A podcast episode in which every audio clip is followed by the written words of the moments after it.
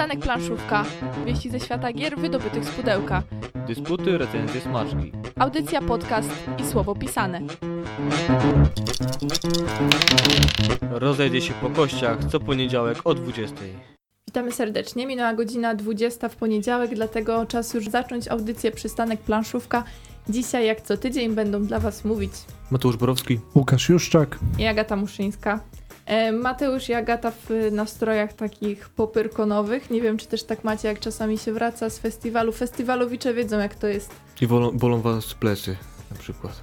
Na przykład od, od podłogi właśnie.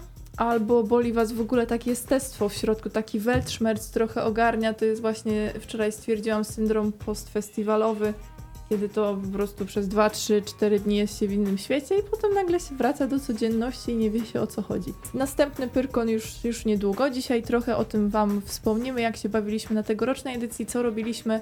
Będzie też parę komentarzy na temat rezultatów gry roku, można tak powiedzieć, bo gra roku została, planszowa gra roku została już wybrana. No i cóż, komentarzy pojawiło się sporo, my dołożymy coś od siebie i będzie też kilka słów o grach dla dzieci, bo Łukasz dzisiaj miałam wrażenie, że jego plecak to jest taka torebka Hermiony, która nie ma dna, nie, bo takie pudła spore leżą. To wielkich gabarytów musiała być Hermiona. No właśnie nie, bo ona miała taką małą torebkę, która wiesz, w środku po prostu wszystko miała. Ale biorąc pod uwagę, że z tym plecakiem ledwo do windy się zmieściłem, to Sakwa Hagrida. albo wór świętego Mikołaja, tylko za ciepło trochę.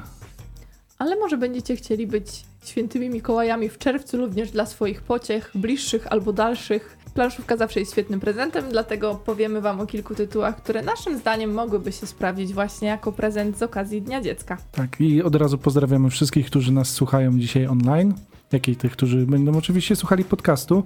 Szczególnie Marcina, który pisze, że dzisiaj ma postanowienie takie, żeby od początku do końca wysłuchać nas e, online. Także trzymamy kciuki Marcinie, żeby nic ci nie przerwało słuchania naszej audycji. Ciekawa jestem, czy Marcin ma czas do 22.30, bo jak audycja się o 21.00 zakończy, to my jeszcze kradniemy trochę czasu antenowego i będziemy dla Was mieli półtorogodzinne e, nagranie ze spotkania z autorami gier planszowych z Pyrkonu. Można sobie zostać. Będzie gruby podcast. No to co nowego, Łukasz, opowiadaj. No w tym tygodniu, jak dobrze wiecie, jedno wydarzenie przyćmiło wszystkie inne. Nawet tak wzniosłe jak ślub i wesele księcia Harego, na którym przygrywał sam Sir Elliot John, Elton John, przepraszam, Elliot. Billy Elliot mi się w, gdzieś tam w głowę wbiło, ale to, to nie ten film, nie ta bajka. Był to oczywiście Pyrkon, dla miłośników planszówek szczególnie ważny, gdyż właśnie podczas Pyrkonu ogłoszona została nagroda gry roku. Jakie tytuły zostały wyróżnione? I tutaj uwaga, uwaga, w kategorii gry roku nagroda główna fanfary i oklaski dla Stefana Felda i jego zamków Burgundii. Gra dla całej rodziny Park Niedźwiedzi, zaawansowana gra roku Great Western Trail. I gra dla dzieci Wsiąść do pociągu Pierwsza Podróż. Gratuluję wydawnictwom Rebel i Lacerta, które zdobyły po dwie statuetki, chociaż tak jak myślałem, nagroda gry roku w tym roku będzie bu- m, budzi, wtedy myślałem, że będzie budziła, ale teraz już budzi pewne wątpliwości. Co myślicie o zamkach Burgundii jako grze roku w Polsce, grze roku w, ogłoszonej w roku 2018. Jak to możliwe, nie? 2011 rok Zamki Burgundii. Taki staroć. A my tutaj, jak jeszcze taki eurosuchar, widziałam te wszystkie komentarze, które są przeciwko. Po części rozumiem. Natomiast ja, jako członkini kapituły też, grałam w Zamki Burgundii pierwszy raz właśnie w zeszłym roku. I twoje życie się mocno I zmieniło. tak, odmieniło to po prostu wszystko, jeśli chodzi o planszówki. A tak poważnie nie miałam żadnego problemu z tym, aby no, jakoś notować wysoko tą grę, bo uważam, że skoro szerszemu gronu, polskim graczom, tak jak mi objawiła w zeszłym roku, no to dla mnie to akurat nie jest przeszkoda. Bo wiecie jak to jest? To jest, że odkrywamy kolejne rzeczy, te same rzeczy na nowo. W sensie my jako Polska. Tak było z kikami do Nordic Walking. My odkryliśmy w pewnym ro y, roku, że są kiki do Nordic Walking, pojawiły się w każdym markecie. I tak jest właśnie z y, tą grą. I ona po prostu ożyła w 2.17, 2.18, a jest świetna i wiadomo, Feld robi świetne gry. Tak, się nie dziwię w sumie. Po prostu musiało mieć czas, żeby u nas zaistnieć. Szczerze mówiąc, zastanawiałem się, czy jeszcze oliwy do ognia nie doleję Ubongo. Ono było w kategorii gier familijnych. Było, było w każdym rodziny. razie, z, z tego co kojarzę, gry dla całej rodziny z Parkiem Niedźwiedzi tutaj e, walczyły o e, zaszczytne miano. Bo to też przykład takiej gry, która już od lat jest znana, no ale po polsku formalnie wyszła akurat w zeszłym roku. I też myślę, że miała duże szanse, bo tak jak popatrzy się na recenzję, naprawdę skradła serca wielu recenzentów. Tak naprawdę warto wrócić do genezy gry, bo ona ma promować między innymi polskich wydawców, polski rynek, także tak stymulować go. A skoro nadrabiamy trochę zaległości, to dlaczego nie pokazać, że sięgamy po dobre gry? Zresztą dla mnie to ma taki aspekt też bardziej filozoficzny, bo gry się nie starzeją. To jest niesamowite, nie? że sięgamy po gry z 2011 roku i cały czas mamy taki efekt wow. Sięgamy po gry z 99 roku, takie jak Tikal i cały czas mam taki efekt wow, jakie to jest dobre. Sięgniemy po jeszcze starsze tytuły, nie wiem, ale Rumikub i też jest efekt wow i całe rodziny się przy tym świetnie bawią. Więc nie oburzajmy się na kapitułę, bo też ciężko by było wykluczyć chyba poszczególne tytuły, bo gdzie jest granica? Gra wydana za granicą dwa lata wcześniej, trzy lata wcześniej, pięć lat wcześniej. Ciężko by było postawić taką linię graniczną, od tego roku nie sięgamy. Pamiętajmy też, że ten tytuł Gra Roku, no to jest jakiś prestiż. Również dla tej gry, która dzięki temu prawdopodobnie może się lepiej sprzedawać. Musieliśmy być świadomi, że chcemy dobre gry właśnie jakby przekazać dalej, tak? Wieść o nich, że to wygrało, że to jest dobre. Wspomniane Ubongo faktycznie też było wysoko i myślę, że bardzo blisko wygranej, bo zdaje się, że na ostatnim etapie też się znalazło. Mhm. Także, tak jak mówisz, mogło to dolać e, oliwy do ognia. A jeszcze jest druga strona medalu. Jak popatrzycie na inne plebiscyty, to każdemu jesteśmy w stanie coś zarzucić. E, Jak sobie spojrzymy na Golden Geek e, tegoroczny, można powiedzieć, co tam robił Gloomhaven na, w kategorii gier strategicznych. E, Tak naprawdę Gloomhaven prawie że w lodówce każdego gracza się znalazło, bo wszędzie było Gloomhaven. I można by było mieć obiekcję do graczy na całym świecie, dlaczego tak głosowali na Gloomhaven. W przypadku Spiel des Jahres też mamy wiele, wielu zwycięzców, którym się zarzuca, że niekoniecznie akurat ten tytuł powinien danego roku dostać nagrodę, przynajmniej z naszej perspektywy Polaków, no ale nagroda jest typowo kierowana pod rynek niemiecki tam i akurat widać, oni mają trochę inne gusta. Właśnie, w przyszłym roku Dominion będzie mógł się ubiegać o mm, grę, grę roku, bo Second Edition wyszło. No, no to świetnie od razu. Widzisz wszystkie twoje ulubione Muszę do gry. kapituły w przyszłym roku wejść. Zobaczcie, już tak w kapitule nie jest, a i tak tutaj Zamki Burgundii lubi i jest gra roku. Za rok Dominion jak będzie, to wiecie gdzie szukać podstępu. To już nie trzeba będzie dłubać mocno w tych wszystkich meandrach. Natomiast w ramach uzupełnienia e, wyróżnienia także były gra tematyczna This War of Mine, czyli TWOM. Wiele razy pada TWOM i tak niektórzy mogą nie wiedzieć o co chodzi. No to właśnie This War of Mine. Najlepsza grafika to Karmaka. E, Fox Games e, tutaj za to odpowiedzialne po trochu jest. Najlepszy polski autor Michał Oracz, najlepszy debiut y, Przemek Wojtkowiak za Azyl oraz nagroda imienia Michała Gościniaka otrzymał Artur Jedliński. Prowadzi forum o grach planszowych, zakłada je także jak najbardziej pewnie nagroda zasłużona, wyróżnienie w zasadzie. Jest związany też z Rebelem, także e, wiele, wiele lat pracuje nad rozwojem rynku. E, właśnie Kuba Polkowski nas pyta, co powiemy o wyróżnieniach. Myślał pewnie, że zapomnimy. Nie, nie zapomnieliśmy. Ze wszystkim można dyskutować. Kermaka też zbierała różne recenzje, tak jak u nas Konrad recenzował, był zachwycony. Ale tutaj o grafikę chodzi przecież, a ale nie o był, grę, prawda? on był zachwycony i grą i grafiką. Niektórzy twierdzą, że gra wcale nie jest taka dobra. Najlepszy polski autor Nie mamy pytań. też bym nie polemizował. No, no znowu pytanie, czy może Adam Kwapiński, czy może Ignacy Trzewiczek. E, Myślę, że nagroda jest też po to, żeby pokazywać różnorodność. Spiel des Jahres miało taki problem, że Rainer Knizia nie dostawał, nie dostawał, aż w końcu dostał za Keltis, która według wielu nie jest najlepszą grą Rainera. Tak jak Leo DiCaprio z Oscarem, no też miał tyle ról, a potem No w końcu właśnie. za coś tam. Nikt już nie wiedział za co, ale przecież... Do tego niedźwiedzia. To. Ale popłynął gdzieś i w końcu dopłynął. Tak jest. Chociaż jeszcze wracając do This War of Mine, ja byłam bardzo zszokowana, że wyróżnienie za grę tematyczną, a nie jednak gdzieś wyżej. Jak już zobaczyłam prędzej listę w ogóle, kto kandyduje, byłam przekonana, że to będzie jedna z gier, która faktycznie dojdzie do dość wysoko, a tutaj nie, ale to z wielu przy z przyczyn mogło wyniknąć, ktoś po prostu na przykład mógł nie mieć okazji spróbować. To jedna, poza tym jest to dość specyficzna gra już ze względu na swój temat. No, na grę roku nie do końca pasuje ze względu na to, że gra roku mimo wszystko z założenia chyba ma być dość przystępną grą e, dla graczy. To nie może być coś, co zabija nas instrukcją. Jeżeli chodzi o zaawansowaną grę roku, no tutaj zawsze te geekowskie zapędy, kapituły pewnie będą się mocno odbijały nad tym, co, co wybiorą. Natomiast fajnie, że została wyróżniona, bo jakby nie patrzeć, jest to bardzo oryginalny koncept, także mm, trzymamy kciuki, żeby dalej takie gry, gdzie fabuła łączy się z tematyką, się rozwijały. Niekoniecznie w trybie kooperacyjnym. Oczywiście. No jeszcze odnośnie wyróżnień, to nagroda imienia Michała Gościniaka myślę jak najbardziej zasłużona, bo każdy, kto propaguje gry planszowe, powinien takie wyróżnienie otrzymać. Natomiast przy tej nagrodzie, przynajmniej na stronie, przydałoby się jakieś szersze omówienie, dlaczego dana osoba dostała tą nagrodę. To tak, może jak ktoś nas słucha, jak nie, to pewnie podeślemy taką sugestię, Uniknęło. bo nie każdy, nie każdy może kojarzyć osobę. Mimo Tak. wszystko, my gdzieś tam przez lata kojarzymy, poznajemy ten światek, on nie jest aż tak duży, natomiast dla osób z zewnątrz może być to dość tajemnicze. Artur Jedliński, nagroda, też wspomnienie, dlaczego Michała Gościniaka, bo to też nieprzypadkowe nazwisko, ale no, fajnie, że się nagroda rozwija. Pytanie, czy powinno być więcej kategorii, O. jak na Golden Geeku, z punktu widzenia kapituły. Myślę, że tak, bo to trochę emocji wzbudzało w trakcie głosowania. Na przykład, czy ta gra powinna być grą rodzinną? Duże zamieszanie było też przy gejszach, jak to wszystko zakla- jak zaklasyfikować, jak głosować. Spore pole do, do dyskusji, myślę.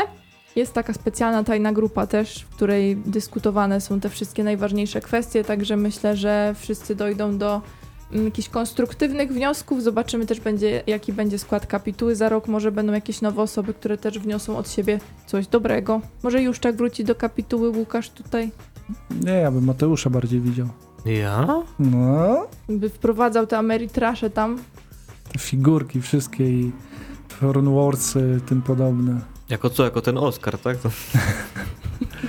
Uderz w stół, a nożyce się odezwą. E, nie będzie w przyszłym roku Dominiona, bo nie może być druga czy kolejna edycja w konkursie. Ale ten Dominion jest zmieniony. On ma 7 nowych kart, 6 wywalonych, to prawie nowy. Nie, ale rozumiem, rozumiem tutaj e, informacje, jakie przysyłają osoby, które czuwają nad całością, żeby to się spinało i miało jakikolwiek sens. A przy okazji pozdrawiamy Kubę Polkowskiego i ogólnie państwa polkowskich. Kuba pewnie miał stresa, jak ogłaszał to. Chociaż ja nie wiem, czy możemy na antenie powiedzieć Kuba Polkowski tak z nazwiska. Kuba, mam nadzieję, że nas nie podasz do żadnego RODO, GIODO i tym podobnych. To przecież sławne nazwiska. Artur Jedliński możemy mówić, a Kuba Polkowski nie możemy? No to teraz strach, naprawdę. No to tak jak, nie wiem, ktoś wygrywa konkurs, nie można powiedzieć, trzeba powiedzieć, no nie wiem, Kuba P, jakby był przestępcą, bo wygrał coś, nie? Pozdrawiamy. Kuba. No, jeszcze urzędy zaczną ścigać, Fakturę nam wystawi, potem za używanie nazwiska i spoko. albo w Kubę zaczną ścigać, że to sławna osoba, no to celebryta, to pewnie bogaty, jakieś Mhm. podatki ukrywa. Po maskaradzie. W planszówkach. topi jakieś tam oszczędności. Tyle o grze roku.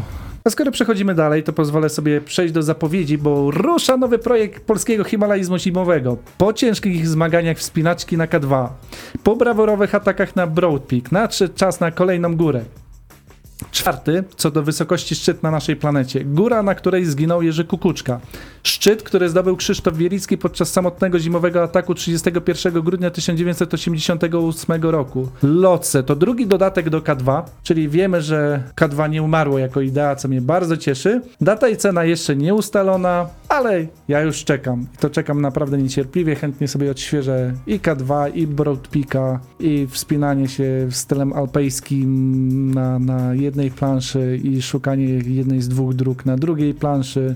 Ach, będzie fajnie. No, tu się oczy świecą co po niektórym, więc ja też się już cieszę. Zimą przy otwartych oknach, żeby wzmocnić klimat. Trzeba będzie poszukać jakiejś dobrej książki znowu o wspinatce. Żeby wzmocnić klimat właśnie, No, a nie go stworzyć. Tutaj to akurat wzmocnić. jak pisałem recenzję K2, wtedy czytałem Wandę Rutkowską. O. Naprawdę niesamowite rzeczy. To jest świat, którego człowiek tak nie zna, no Mhm. niestety, siłą rzeczy. E, nie wspinałem się na żadne ośmiotysięczniki, a jeżeli chodzi o emocje, które się tam pojawiają i dylematy gdzieś tam moralne, niesamowita rzecz. Ale schodzimy ze szczytów do podziemi, najpierw na ziemię, potem do podziemi. Więc Factory ogłosiło kolejne zapowiedzi na ten rok. Jedną z nich jest gra Minerals, będąca projektem dyplomowym Magdaleny Śliwińskiej, absolwentki i tutaj uwaga, uwaga, Wydziału Grafiki Akademii Sztuk Pięknych w Katowicach. Zatem pierwsze co rzuca się w oczy to wykonanie. Jaka będzie mechanika, czas pokaże. Spodziewajcie się abstrakcyjnej gry logicznej dla 2 do 5 osób. Premiera na przełomie 2018 i 2019 roku, zatem jeszcze trochę czasu. Ale pewnie Games Factory będzie wcześniej prezentowało ten tytuł na różnych konwentach. Przyznam, że mnie to bardzo zaintrygowało. Akademia e, Sztuk Pięknych, gry planszowe, czyli niekoniecznie game decki, niekoniecznie w, specjalności związane z grami. Gry planszowe są wszędzie. Natomiast drugą zapowiedzią od tego wydawcy jest kampania gry Solar City, ruszona na dwóch platformach równolegle.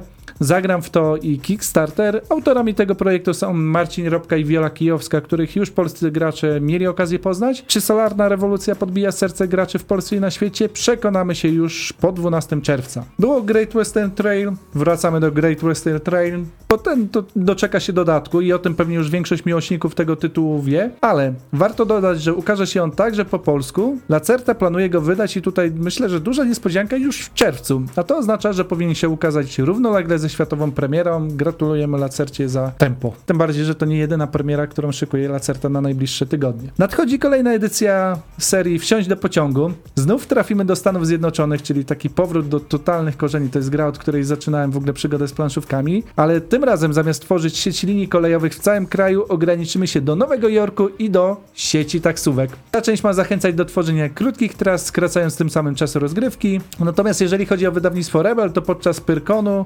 zaprezentowało kolejne zapowiedzi na ten rok, wśród nich Getpacking, 7 cudów świata Armada, Cat Stacks, Cortex 2, Cortex 2 dla, y, Cortex dla dzieci, Zakochanie gra dla dwojga, brzmi intrygująco. Beers vs. Babies, Shadows Amsterdam. Z tytułów, nazwijmy to roboczo rebelowskich, czyli dewelopowanych przez Rebela, wydawca potwierdza pracę nad dodatkiem do K2, o którym już wspomniałem. Strefa emisji, Draco druga edycja. Jest też cała masa innych gier, które były już wcześniej zapowiadane i mają się w najbliższych miesiącach ukazać. Zajrzyjcie na stronę wydawnictwa Rebel po więcej szczegółów. W tym tygodniu ruszy przedsprzedaż detektywa gry kryminalnej lub jak mawia Ignacy Trzewiczek, detektywa. Wypatrujcie informacje na stronie portalu. Tam znajdziecie link dedykowany grze i nad jak klikniecie na ten link, to tam już zegar tyka, tyka, więc zbrodnia jakaś jest do rozwiązania. Wszyscy w Polsce czekamy na Sherlocka od Rebela. To może być fajna rzecz. My wam niedługo też będziemy pewnie mówić o jednej takiej grze związanej z Sherlockiem, bo bardzo nam podoba się. Kilka premier. Wśród premier tego tygodnia znajdziecie m.in. In Between od Board and Dice, najazd turystów autorstwa Rain- Rainera Knizzi, nie wiadomo, która to już jego gra, ale któraś z set. Od naszej księgarni, czyli od Kudłatego spraw Facebooka, którego jak zwykle pozdrawiamy. I trzy tytuły z serii Exit, to od Galakty. I tak woli obowiązku, no, żeby zapisało się na kartach historii, wspominamy o tym, że na wspieraczkach i tym podobnych portalach, a konkretnie na wspieraczce trwa kampania gry Anno Domini 1666 oraz Czarowierze. Na Kickstarterze anulowano kampanię gry Hard City, e, to tytuł Michała Raczyńskiego i Adama Kwapińskiego, który miał już zebraną minimalną kwotę niezbędną do, do ufundowania. Kampania wróci za e, kilka miesięcy. Trudna decyzja studia Hex, które dewelopuje grę, ale uznali, że wiele uwag, które się pojawiło, było jak najbardziej słusznych, a nie da się ich wprowadzić od tak od razu, więc trochę dłużej będzie można będzie trzeba poczekać, ale to w sumie przypomina tą ideę podstawy crowdfundingu, o tym, że wspierający także są poniekąd twórcami. No i na zagram w to Xobos. Także to tyle newsów na dzisiaj. Trochę się dzieje. Mimo wszystko, Łukasz zawsze mówi, że mało newsów, ale to tak z tego się trochę poskładało. A i jeszcze coś. A co? Mistrzostwa Polski Carcassonne 2018, eliminacje są już ósma edycja tego wydarzenia i najbliższe są 26 maja w Centrum Sportu Rekreacji imienia Jana Pawła II, ulica Piastowska 5C w Suszu. Centrum sportu, widzicie? Planszówki to sport jednak. I tam razem z, z klubem gier planszowych Skama możecie zeliminować się do Mistrzostw Polski i trzy pierwsze miejsca mają szansę wziąć udział w mistrzostwach. Właśnie można się chyba przekonać, że Carcassonne to tak naprawdę bardzo wredna gra na takich mistrzostwach. No może być. Jest to podstawka bez tych y, dwóch elementów, czyli bez opata oraz bez dodatku rzeka. Także klasyczna, klasyczna wersja Carcassonne drugiej edycji. Możecie ćwiczyć, jeszcze macie niecały tydzień, ale nie zapomnijcie, że w sobotę jest dzień mamy, tak? Więc warto odwiedzić mamę. Można odwiedzić mamy z wiadomością, mamo, zakwalifikowałam się w Wygrałem. takich dużych zawodach. O, na przykład. Albo mama, mam dla ciebie planszówkę. Na przykład Zawsze od niej marzyłem, dlatego kupiłem ją tobie. będę przychodził i grała, tak naprawdę to ją pożyczę i będzie już leżała u mnie na pewno. No tak, ale widzisz Carcassonne, Łukasz, czyli znowu wracamy do twoich korzeni. To również jedna z pierwszych gier, które pewnie miałeś. A to prawda i gra, która też ma dobrą aplikację mobilną, zarówno na iOS-a e, i od jakiegoś czasu także na Androida. Ta na Androida jest przez Asmodee Digital przygotowana, więc jeżeli chcecie poćwiczyć, możecie poćwiczyć sobie także na apce. I tym sposobem nawet jeden segment newsów, który nie był wspomniany teraz został, bo e-planszówki. A to prawda. Widzisz, nie daliśmy ci tak po prostu zakończyć newsów. A jeżeli chcecie jeszcze jakiegoś newsa, to mogę dodać, że Asmodee Digital e, wzbogaciło Potion Explosion o dodatek piąta ingrediencja. Także fani Potion Explosion zerknijcie do aplikacji, tam można sobie to, to kupić. I Hostage Navigator też ma jakiś dodatek. Jeszcze nie zaglądałem do tej e, adaptacji planszówki, ale podobno jest całkiem dobra, chociaż graficznie odrzuca. No okej, no to newsy można powiedzieć, że zakończyliśmy. Mamy kilka takich uwag na gorąco, jeśli chodzi o Pyrkon. Będzie to pewnie dziwnie brzmiało teraz i nie wiem jak wypadniemy w waszych oczach i uszach. Ale na Pyrkonie nie zagraliśmy w żadną planszówkę. I w sumie to jesteśmy bardzo szczęśliwi z tego powodu, bo robiliśmy wiele innych rzeczy. Bo gry są nudne. Nie dlatego, bo gry są nudne, tylko jakoś tak, no nie wiem co się stało. Po prostu jakoś tak wypaczywaliśmy trochę inaczej, ale też całkiem dobrze.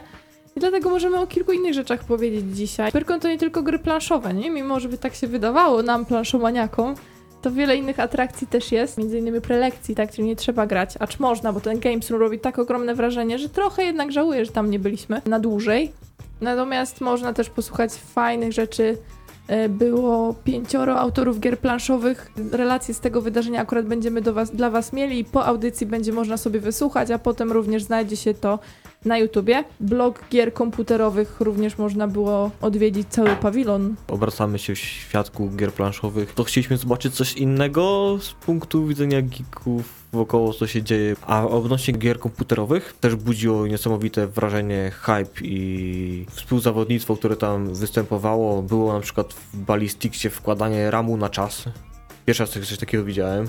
Wkładanie ramu komputerowego do płyty głównej. 4 sekundy. Kącik Asusa, był, był kącik gier retro, więc były wszelakie konsole retro od Pegasusów przez jakieś PlayStation, Sega, Saturny, wszystko właśnie w oryginalnie, jakieś na emulatorach, więc można było sobie na oryginałach w klasyczne tytuły pograć, co było bardzo fajne. I fajna taka rzuciła też się w oczy yy, wysepka Hearthstone'a, gra w sumie karciana, ale online, przez Blizzard stworzona, bazująca na postaciach właśnie ze świata Warcrafta. Też fajne miasteczko, klimatycznie ludzie przebrani i fajnie to wyglądało, tak jak, że wszyscy siedzą w karczmie, tam siedzieli faktycznie naprawdę i mogli zrobić taki duel między sobą. Więc gry elektroniczne też mocno stały. Głównym punktem programu zawsze też są cosplaye i to jest coś, co naprawdę robi wrażenie. Dobrze wiecie, Pyrkonowicze, że można było to zobaczyć również na dziedzińcu targów poznańskich, leżaczek, słońca akurat w pełni i można było zobaczyć, jakie wspaniałe stroje ludzie potrafią zrobić. To naprawdę zasługuje na wielki szacunek, bo to, co wyczyniają dla mnie, to jest coś wspaniałego i jak pomyślę, ile pracy trzeba w to włożyć, żeby potem mieć występ kilkuminutowy. Na YouTubie możecie zobaczyć sobie całą maskaradę Oczywiście, kto nie widział, tak. Ja mam jedno zastrzeżenie do Pyrkonu. Mało znalazłem postaci elementów, chociażby breloczka ze świata Warcrafta. Trzeba to zmienić. Albo jestem tak stary, już nikt nie gra w to uniwersum, już nikt, nikt nie bawi, ludzie się ani w klasycznego Warcrafta, ani World of Warcraft, w ogóle nic się nie bawią z Warcraftem związanego. A ja czekam Hearthstone aż, był, Hearthstone był. czekam aż planszówki będą tak wyhypowane, żeby na cosplayach zamiast wszystkich mank i tym podobnych się zaczęły pojawiać postacie z gier planszowych. Dajmy na to e, ten ludzik z e, okładki Rising Sun, albo ktoś się przebierze za Mipla. Mipla, albo za Patchworka. za To, to, to już w ogóle by było patchworka. mega, taki kocyk idący, nie? Może ja bym się przebrała za alpakę z Altiplano, może być? O, może być alpaka z Altiplanu. Widzicie, są fajne pomysły. To tak jak był ścierwojad, tak? Na maskaradzie. Maskaradzie. tak by mógł być, mogłaby być stworek z Altiplanu. Ale Stworek, pomysły. Zwierzak. Stworek, no alpaka, takie zacne zwierzę. Albo za kostkę, o. K6 albo K12. No, ale tak jakby ktoś chciał tobą rzucić, to nie wiem, jakby tak Kasto, kasto. prawie kule. Kastorama. Chwila muzyki, bo nam już odbija, bo trochę mało powietrza chyba mamy. Za chwilę do Was wracamy. Nie wrócimy jacyś bardzo poważni, bo będziemy mówili o grach dla dzieci. Ale to wbrew pozorom bardzo poważny temat, bo czym skorupka za młodu? 1 czerwca, Dzień Dziecka. I ja już to przeżywam, bo myślę, że jakaś czekolada może dla mnie też się znajdzie. Może nie planszówka, ale Dzień Dziecka, fajny dzień. Myślę, że dorośli też jeszcze przeżywają go. I dzisiaj zaproponujemy Wam kilka gier, które myślimy, że rodzice, chrzestni czy ktoś inny z rodziny może chcieć podarować najmłodszym. Łukasz zacznie. To jest trudne zadanie, ponieważ zawsze jest taki dylemat, co, co zaproponować dzieciom. Gier dla dzieci jest masa na rynku, ale nie wszystkie cieszą dzieci, nie wszystkie cieszą dorosłych. A najlepiej, żeby taka gra chyba cieszyła i tą, i tą stronę. I wybraliśmy kilka dzisiaj tytułów, które są taką polecajką, bo już na, na niektórych audycjach wspominaliśmy o niektórych grach, takich jak Pszczółki chociażby, które są takim e, mega, mega uniwersalnym tytułem dla gdzieś tam 5-6-latków. Się sprawdzają po prostu w każdym przedszkolu, w każdym gronie, w którym gramy. Natomiast jest kilka tytułów takich mniej oczywistych, o których dzisiaj chciałbym wspomnieć. Na przykład gra, w którą nie wierzyłem, że może tak zafascynować dzieci, czyli Tomcio i wiosenne porządki. To jest taki niewielki tytuł dla tych naprawdę najmłodszych, najmłodszych graczy, gdzie jak wiadomo, to są dzieciaki, które muszą się dopiero nauczyć, czym jest gra i ta gra musi ich przyciągnąć prostotą zasad, krótką rozgrywką i nie zniechęcić zbyt częstym przegrywaniem. Do tego jeszcze fajnie jakby miała jakiś walor edukacyjny, a ta gra ma.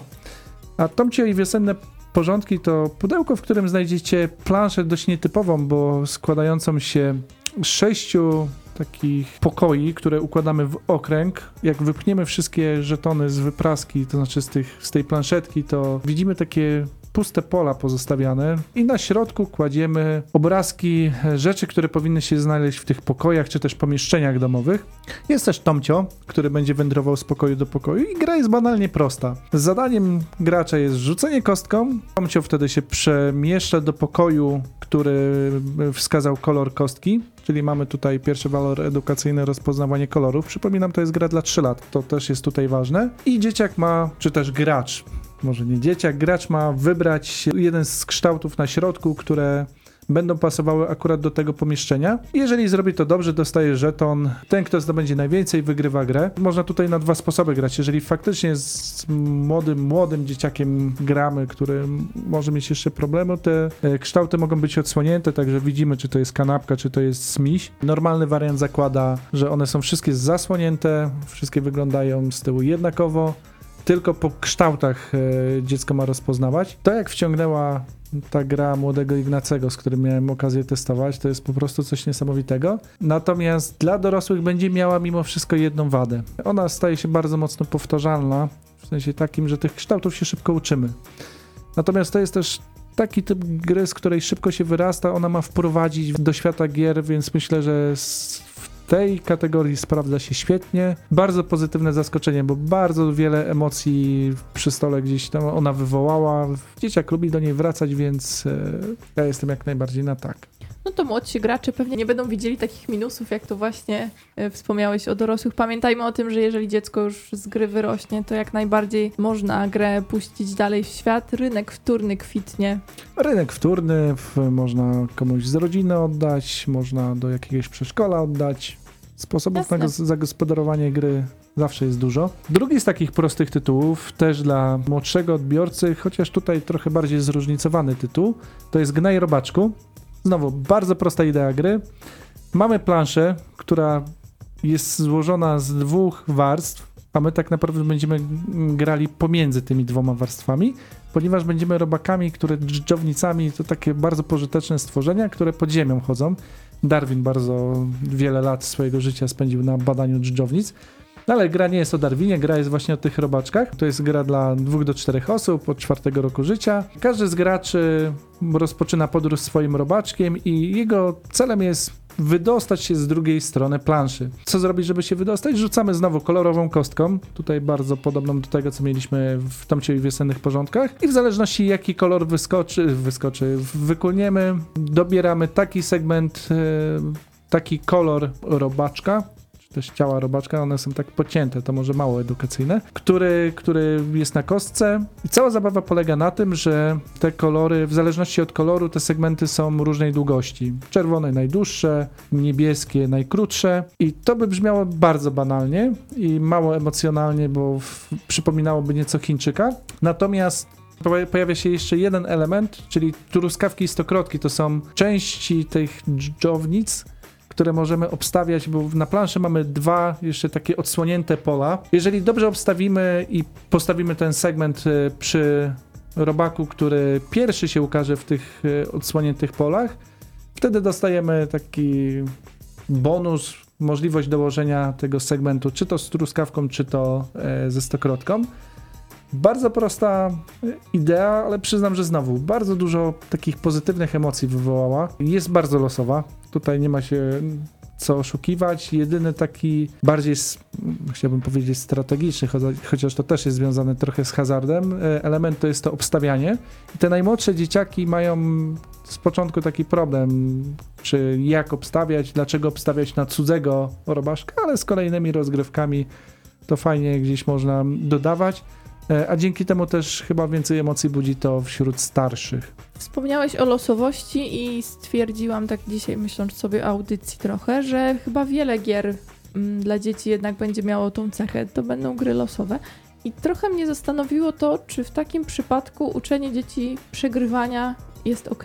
Czy trzeba bardziej tłumaczyć, no taki los. Nie przegrywają dlatego, że źle zapanowa- zaplanowały coś, tylko dlatego, bo akurat tak rzuciły. To jest spore pole do popisu wychowawcze, myślę. Nie jestem pedagogiem i mam zawsze dylemat z tym, bo słyszałem i takie, i takie opinie. Ja mimo wszystko stoję na stanowisku, że szczególnie te najmłodsze dzieciaki, jak to są pierwsze gry, warto dobierać takie, które e, pozwalają rodzicowi przegrywać, świadomie przegrywać, ale tak, żeby dziecko nie widziało, że się podkładamy. Nie można też pominąć, że jest tylko jedno wyjście typu zwycięstwo. No brutalne fakty są takie, że wyjścia są zazwyczaj dwa, czyli sukces lub porażka. I jakoś musimy sprytnie powiedzieć, żeby nakierować się tak na ten sukces. że chcemy dążyć do tego sukcesu, nie porażki. To jest ciężki temat. W pełni się z tobą zgadzam, że są wyjścia dwa i dlatego chyba ważna jest ta równowaga, ani nie popadać w skrajność, tak jak nie wiem, wiele osób ma taką traumę grania w szachy albo w warcaby, gdzie grali z jakimś dziadkiem, ojcem, wujkiem, który zawsze ich ogrywał i potem się po prostu nie chce grać. Potem przy tych grach nielosowych ta różnica poziomów jest bardzo widoczna. E, Z drugiej strony myślę, że równie złe jest to, jak faktycznie zawsze się podkładamy, po to, żeby mieć święty spokój i żeby dziecko się cieszyło. Nie o to chodzi. Skomplikowane jest to, jeśli się nauczy dziecko, że nieważne czy wygra, ale ważne, że oni przegrają. Negatywna interakcja. Już kolejny skill, ale faktycznie też dość, dość cenny. Warto, warto tą naukę odebrać. Ale no, to jest jedna z nauk, które dają nam gry, że raz przegrywamy, raz wygrywamy i warto e, się nie poddawać. A dzieciaki naprawdę różnie reagują. Jak w przedszkolu prowadziłem zajęcia, to, to e, czasem trzeba było na, na stronkę wziąć dziecko i wytłumaczyć spokojnie, że tutaj to jest tylko gra, my też przegrywamy i w ogóle, bo jakbyście popatrzyli, no może nie ty Mateusz, ale jakbyśmy popatrzyli, jak często przegrywamy w gry z Mateuszem, To jak on to wszystko wyliczy. No. Nie, ale widzisz, ty miałeś już takie nagromadzenie tych, bo miałeś kilkoro tych dzieci, kilkanaście. Po- Podejrzewam, że rodzice to zwykle do czynienia tam powiedzmy mają od jednego do trójki dzieci, tak przeciętnie, Mhm. więc to też nie muszą aż takiej grupy brać na siebie jak ty, to ci powiem, szacun. Tak, ale myślę, że rodzicom często trudniej patrzeć, jak dziecko przegrywa. I tu, tu jest ta pułapka taka. Natomiast na to jest rozwiązanie. Można zawsze chwycić za gry kooperacyjne, kiedy wiemy, że dziecko ma problem z przegrywaniem. I tutaj chociażby e, niedawno wydany przez Egmont e, Park Dinozaurów. Prosta gra oparta na e, mechanice memory. Mamy park z dinozaurami. Naszym zadaniem jest uratować e, dinozaury. Tu pojawia się też kostka. Tym razem kostka z oczkami, także poruszamy się określoną liczbę pól. Mamy żetony obiektów, które mają takie same e, obrazki jak pola narysowane na planszy. No i mamy cztery dinozaury, które mamy uratować. I cała zabawa polega na tym, że najpierw rzucamy kostką, przemieszczamy dowolnego dinozaura o tyle pól, ile wypadło na kostce. I te dinozaury zawsze poruszają się zgodnie z e, ruchem wskazówek zegara, ale co ważne, nie mogą zakończyć swojego poruszania się na polu, na którym już stoi inny dinozaur, więc faktycznie dzieciak musi momentami wybierać, że się porusza innym niż jego ulubiony. Po tym jak stanie na określonym polu, musi odkryć jeden żeton znajdujący się na środku planszy. Jeżeli symbole będą takie same, nic się nie dzieje. W przypadku, kiedy są różne obrazki, meteoryt, to jest taka kuleczka, którą przemieszczamy na torze, przesuwamy o jedno pole w prawą stronę i to może nam wyznaczyć koniec gry, ponieważ gra kończy się, kiedy albo wszystkie dinozaury uratujemy, a ratujemy jak, jak przejdą pełne okr- okrążenie i staną z powrotem na swoim polu startowym, albo kiedy meteor dotrze na ostatnie pole toru, wtedy niestety wszyscy przegrywamy. Tutaj gra z elementem memory, więc czymś, w co dzieciaki są świetne. Ich poziom skupienia i zapamiętywania symboli jest naprawdę fenomenalny, więc to są gry, w których niekoniecznie musimy się podkładać, ponieważ po prostu często dostajemy wciry od dzieciaków. Ile razy to graliśmy chociażby w skubane kurczaki z dzieciakami i po prostu aż wstyd był, aż wstyd. I to Ale... jest właśnie gra kooperacyjna, czyli dzielimy co? Zwycięstwo i dzielimy smutek. Jest może lżej, ale też trzeba się nauczyć dzielić zwycięstwo. I dlatego Łukasz za młodu tym nie nasiąg i nie lubi teraz gier kooperacyjnych. Nie lubię kooperacji, przyznaję. Natomiast czasem faktycznie mogą się przydać, jeżeli chcemy jakiś wychowawczy element, to e, jak najbardziej. No i tutaj sama tematyka dinozaurów, to szczególnie jeżeli szukacie dla młodego chłopca e, grę, może okazać się tym magnesem. Jeżeli wydała wam się za prosta, tam jest jeszcze wariant z tyranozaurami, które nieco, ale nie, niewiele utrudniają rozgrywkę, także mamy kolejną taką grę dla tych najmłodszych dzieciaków. Myślę, że dla nich najtrudniej dobrać te tytuły, bo czym starszy, tym już mamy większy wybór i on staje się dla nas oczywisty. No już możemy tam, nie wiem, dzieciak 8-10 lat może już zacząć grać w Carcassonne albo w tym podobne tytuły. Zresztą nie tylko 8-10 lat. No Carcassonne się nadaje także dla młodszych dzieciaków. Carcassonne nawet się nadaje dla starszych dzieciaków, którym jestem ja. I muszę przyznać, że na przykład jeśli chodzi o dzieci z Carcassonne, o których teraz trochę powiemy, to ja nigdy nie odmawiam rozgrywki. To to jest 10 na 10, przepraszam?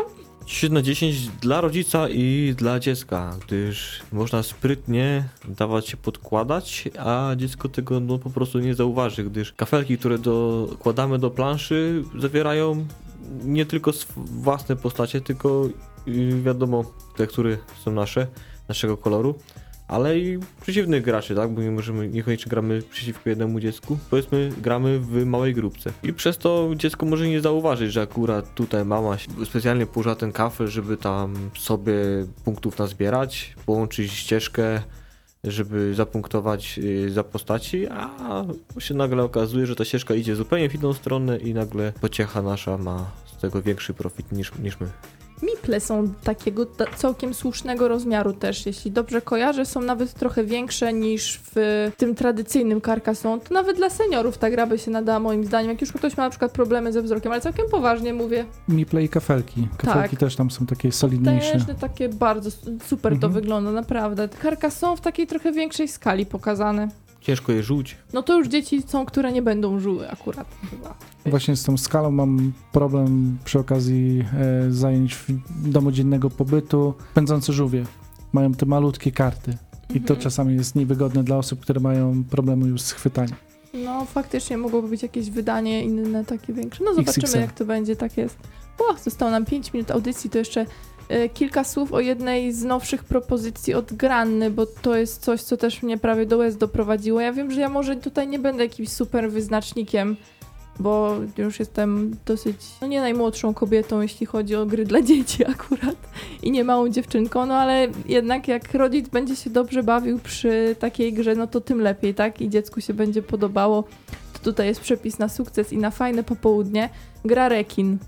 Gra jest pełna negatywnej interakcji, ona w zasadzie tylko z niej się składa, bo chcemy swoimi rybkami na drugą część planszy przepłynąć, a z tej drugiego końca planszy na nas napływają różne poczwary, czy są to ryby, ale są tak straszne i brzydkie, Grube. Bar- grube, bardzo chcemy je ominąć.